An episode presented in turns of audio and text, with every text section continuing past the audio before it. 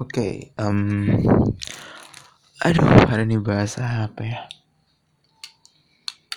Hmm, ya black, ya black. Mau rekam-rekam ginian tapi tidak tahu mau ngomong apa ya. Um, hmm, saya baru kelar ngoprek-ngoprek programnya. Jadi, oke. Okay. So, I think I'm gonna talk about value of learning to program.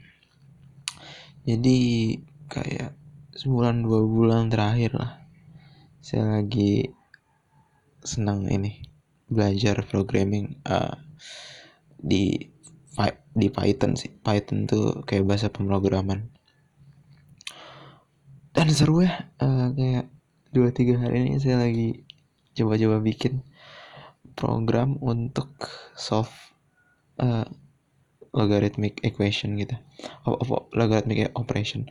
Jadi dua log tiga gitu masukin di program terhasilnya keluar gitu.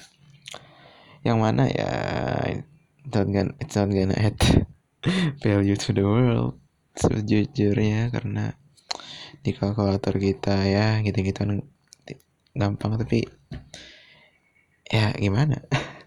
Baru mulai dua bulan tentu saya saya tidak akan membuat piece of code ala-ala Bitcoin yang bisa menghasilkan mata uang yang akan changing the world kan. Jadi ya yeah, bikin program tentang waktu udah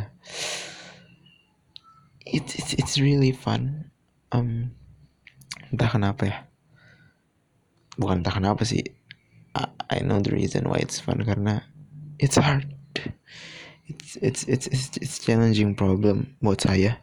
Karena pertama you need to know the math. You need to know kayak sifat-sifat lo gimana sifat-sifat logaritma gimana terus mem, terus abis itu ada persoalan memetakan oke okay, kalau misalkan situasinya A nya 0 ya ini A log B ya A nya 0 terus B nya sesuatu apa yang akan terjadi gitu? Tapi bagaimana kalau A-nya lebih besar daripada satu, terus B-nya juga lebih, besar daripada satu, tapi B lebih besar daripada A, gitu kan? Uh, dalam situasi seperti itu, bagaimana cara mengoperasikannya gitu? Dan it turns out that different uh, different situation create different way to operate gitu. Yang mana sebenarnya kalau kita benar-benar coba ngerjain sendiri nih tanpa membuat programnya I don't think it looks so, ob so obvious gitu. Karena ketika kita ngerjain kita nggak benar-benar mulai dari scratch. Ngerjain dari awal gitu kan. Mengidentifikasi segala macam kita kayak kalau otak manusia tuh rasanya lebih lebih bisa mengabstraksi hal, hal kayak gitu gitu. Sementara kalau program robot ya basically uh, benar-benar suatu robot yang suatu entitas yang tidak punya kecerdasan gitu. Yang tidak bisa berpikir kreatif yang harus dikasih tahu dari dengan secara detail apa yang harus mereka lakukan gitu. Dan itu memaksa kita untuk memaksa saya untuk membuat untuk apa ya untuk me,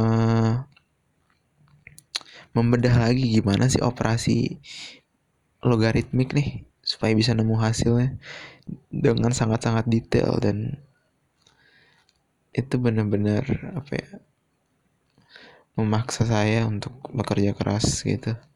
Me figuring out the details on of the operation. Um, itu sih. Terus setelah kita tahu oke okay, kalau situasinya begini operasinya harus dilakukan secara gini. Oh, uh, apa namanya masalah masalah kedua yang harus diselesaikan adalah gimana cara translate itu ke bahasa pemrograman. Bukan karena sulitnya itu bukan karena bahasa pemrogramannya oh ada istilah-istilah susah. Bukan.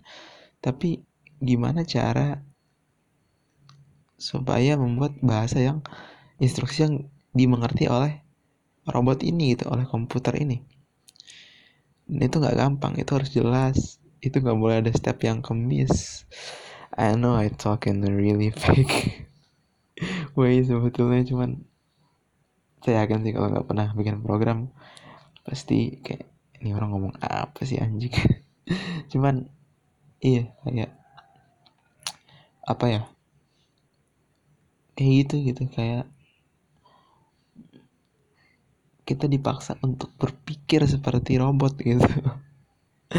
In some sense I think kayak gitu. Dan sulit dan karena sulit dan karena sulit dan ketika itu berhasil ketika program saya tulis dua log tiga terus itu ngasilin suatu angka satu koma bla bla bla bla. Eh enggak sih dua log tiga tuh nol eh enggak dua log tiga tuh ya nol koma bla bla bla bla bla bla bla bla bla. Itu rasanya senang sih. Tentu saya ngecek ulang di kalkulator kayak bener gak sih? Dan wah ketika bener itu gila sih. Itu keren. Itu itu bukan keren. Itu sangat sangat menyenangkan. Terus um,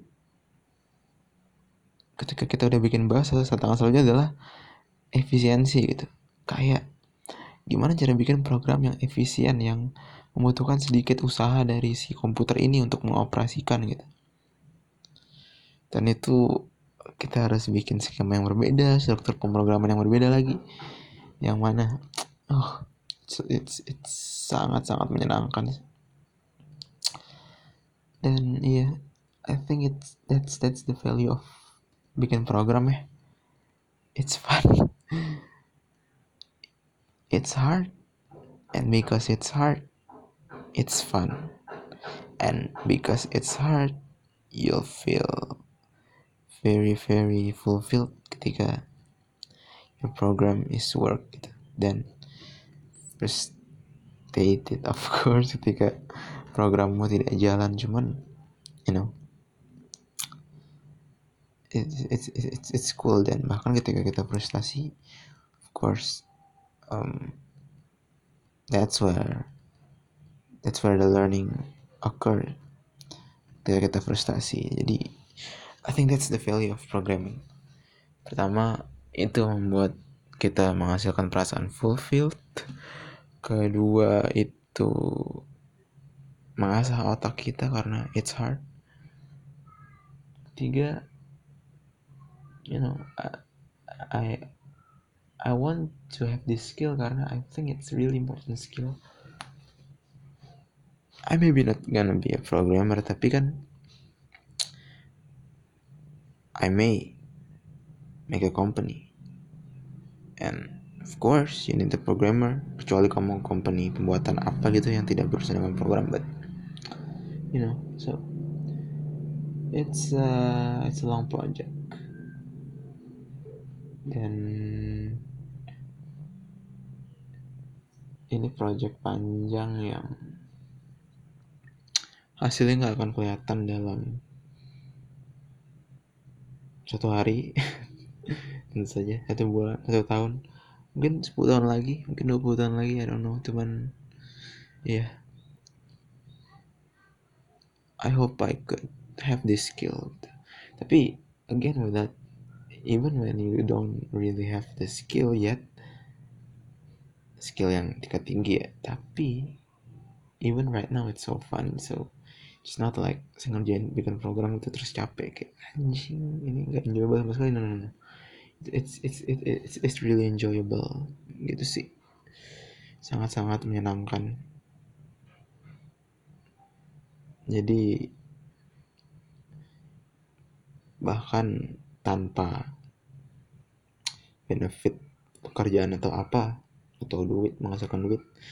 Programming is still I think of fun things that everyone should try sih mm-hmm. because it has value lots of value. Alright. Kayaknya itu doang sih. Dadah